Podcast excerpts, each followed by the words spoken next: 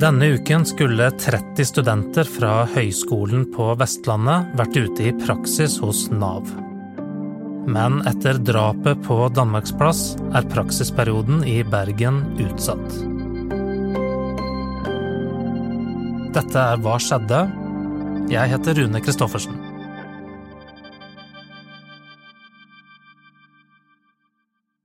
Det er mandag 20. september hos Nav Årstad på Danmarksplass. En av brukerne, en mann i 30-årene, har en avtale klokken ti. To ansatte er til stede i møterommet, slik de pleier å være når det er fare for at situasjonen kan bli konfliktfylt.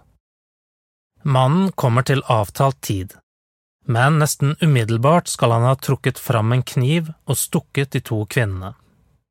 Den ene, i slutten av 50-årene, dør av skadene. Den andre, som er 29 år gammel, får lettere skader. Altså Akkurat på den mandagen når dette skjedde, så var jeg vekke fra skolen. Eller vi hadde, altså hadde digital undervisning, da. Som de aller fleste så så jeg det på nyhetene, eller på NRK. Um, og mitt uh, umiddelbare inntrykk var jo at det var, det var trist, selvfølgelig. Og uh, nifst. Jeg må jo si at jeg begynte å tenke litt på sånn fremtidig jobb, og hvorvidt jeg ville jobbe for Nav, og, eller i hvert fall Nav altså i, i, de store byene, da, hvor den typen ting kan Altså dette med vold og trusler kan foregå med.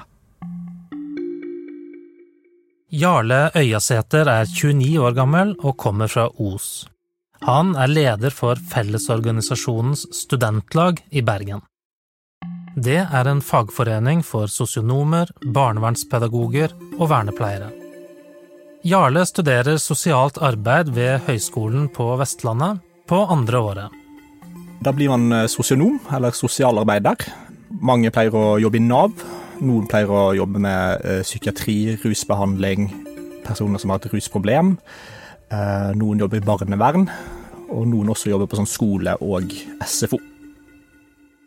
Selv kunne han tenkt seg å jobbe med noen av de tyngste brukerne. Mennesker som sliter med rusproblemer og psykiatriske lidelser. Kan du huske hvordan det ønsket om å hjelpe andre begynte hos deg? Eh, det begynte vel litt. Eh, jeg jobbet, pleide å jobbe for Røde Kors et år, som sånn uh, fundraiser, altså de som verver folk inn til Røde Kors sine hjelpeprosjekter. Og i den sammenheng så ble jeg veldig obs på dette med både nasjonal og global fattigdom. Fordi Før det så hadde, kan du si, jeg var det en liten sånn boble hvor jeg tenkte at alle i Norge hadde det helt perfekt. Jeg altså, gikk rundt på gatene i Bergen hvor jeg så romfolk, rusmisbrukere, den slags. Hvor jeg så en del sånn uh, folk som ikke hadde det helt greit. da. Uh, så du kan si det startet der, da. Uh, og så begynte ballen å rulle. For meg og for mange uh, sosionomstudenter så handler det om å ha lyst å hjelpe folk. Uh, og så går det jo litt på det med den rettferdighetsfølelsen, at uh, alle skal jo få hjelp uansett. Den siste tiden har studentorganisasjonen vært mest opptatt av å skape et godt sosialt miljø etter lang tids isolasjon pga. korona. Mye av utdanningen dreier seg om å skape god kommunikasjon med brukerne, forteller Jarle. Det handler om å være nysgjerrig og oppmerksom på den enkelte, og å snakke med folk på en respektfull måte.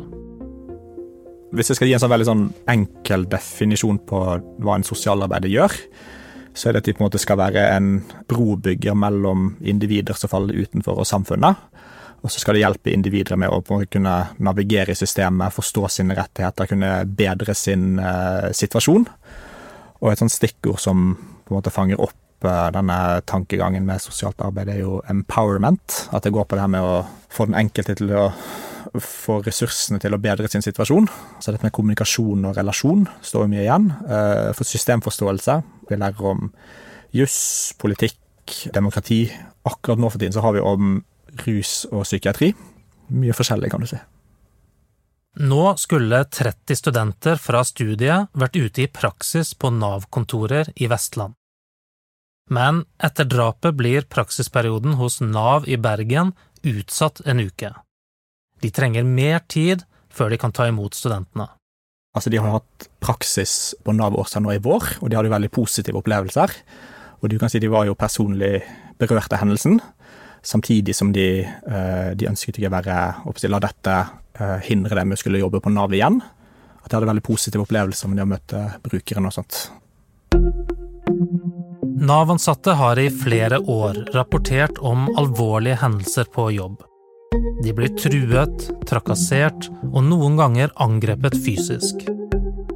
Flere ansatte har fortalt hvor vanskelig det kan være å gi beskjeder som rammer brukerne hardt.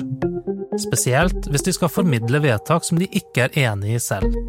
Eh, som sosionom så må du på en måte stå litt i spagat mellom system og eh, brukerens eh, behov. Så det, men det, det er en sånn del av det med å være sosionom, er dette med sånne etiske dilemmaer og ja, dette med å måtte ja, stå mellom systemet og den konkrete situasjonen og ja. Også i 2013 ble en kvinne som var ansatt i Nav, drept på jobb. Siden den gang er sikkerheten skjerpet kraftig. Noen av møterommene er kameraovervåket, mens bord og stoler er boltet fast i gulvet. Ansatte skal ha mulighet til å komme seg ut uten å gå forbi brukeren. I rommet der angrepet i Bergen skjedde, skal det ha vært både alarmknapp og rømningsvei. Nav Årstad har også leid inn flere vektere de siste årene. En vekter som var i lokalet da drapet skjedde, var blant dem som varslet politiet.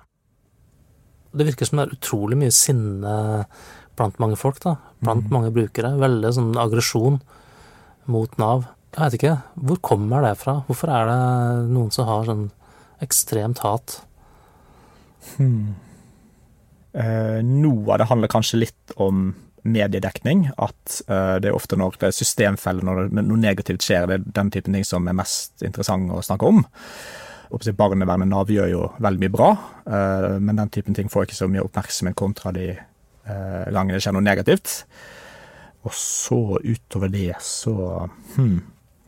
Sånn jeg har forstått det, sånn, det handler ikke bare om Nav, men systemet generelt. Da, at det, jo, det kan være veldig sammensatt. Og veldig sånn det var vel noen som sa at du må sånn du må være frisk for å være syk, eller noe sånt. At det er sånn, du må på en måte være veldig sånn på må, for å kunne bruke rettighetene dine i systemet og den slags, så må du på en måte være veldig på. Du må ha gode støttespillere rundt deg. Hvis man da er i en dårlig situasjon, kan det oppleves som at systemet går imot deg. Så det er sikkert mange som har hatt den opplevelsen. da.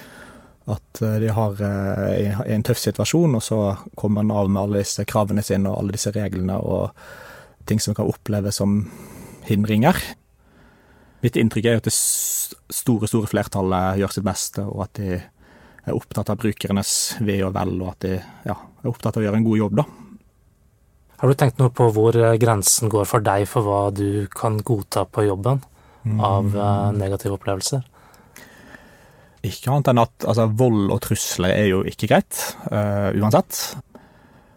Når det gjelder mer sånn uh, ubehagelig utspill, aggresjon, så kanskje jeg kan være mer medgjørlig der, eller i hvert fall tenke sånn at det kan skyldes andre ting. Mannen som er siktet for drap og grov kroppsskade, sitter nå i varetekt. Han samtykket til fengsling i fire uker i første omgang. Han er ikke tidligere straffedømt. Jarle sier at Fellesorganisasjonen har jobbet lenge med å bedre arbeidsforholdene for ansatte i Nav. Jeg spør om omfanget av trusler og vold har vært kjent for studentene som snart skal ut og møte brukerne. Har stått veldig i fokus. Uh, har blitt nevnt um, indirekte, vil jeg si. I den forstand at uh, når vi har hatt sånn f.eks. Uh, karrieredager, hvor de som har erfaring fra feltet snakker om sine opplevelser, så snakker de ofte om, om utfordringene som kan være på arbeidsplassen og den slags. Um, har stått, stått, litt om det i pensum. Hadde absolutt vært fint hvis det ble nevnt mer i uh, undervisningssammenheng, disse typer situasjoner og hvordan vi skal håndtere de. Hvis du vil høre flere episoder av Hva skjedde, så trykk gjerne på abonner i din lydapp. Denne episoden er laget av meg, Rune Christoffersen, Anna Offstad og Arve Stigen.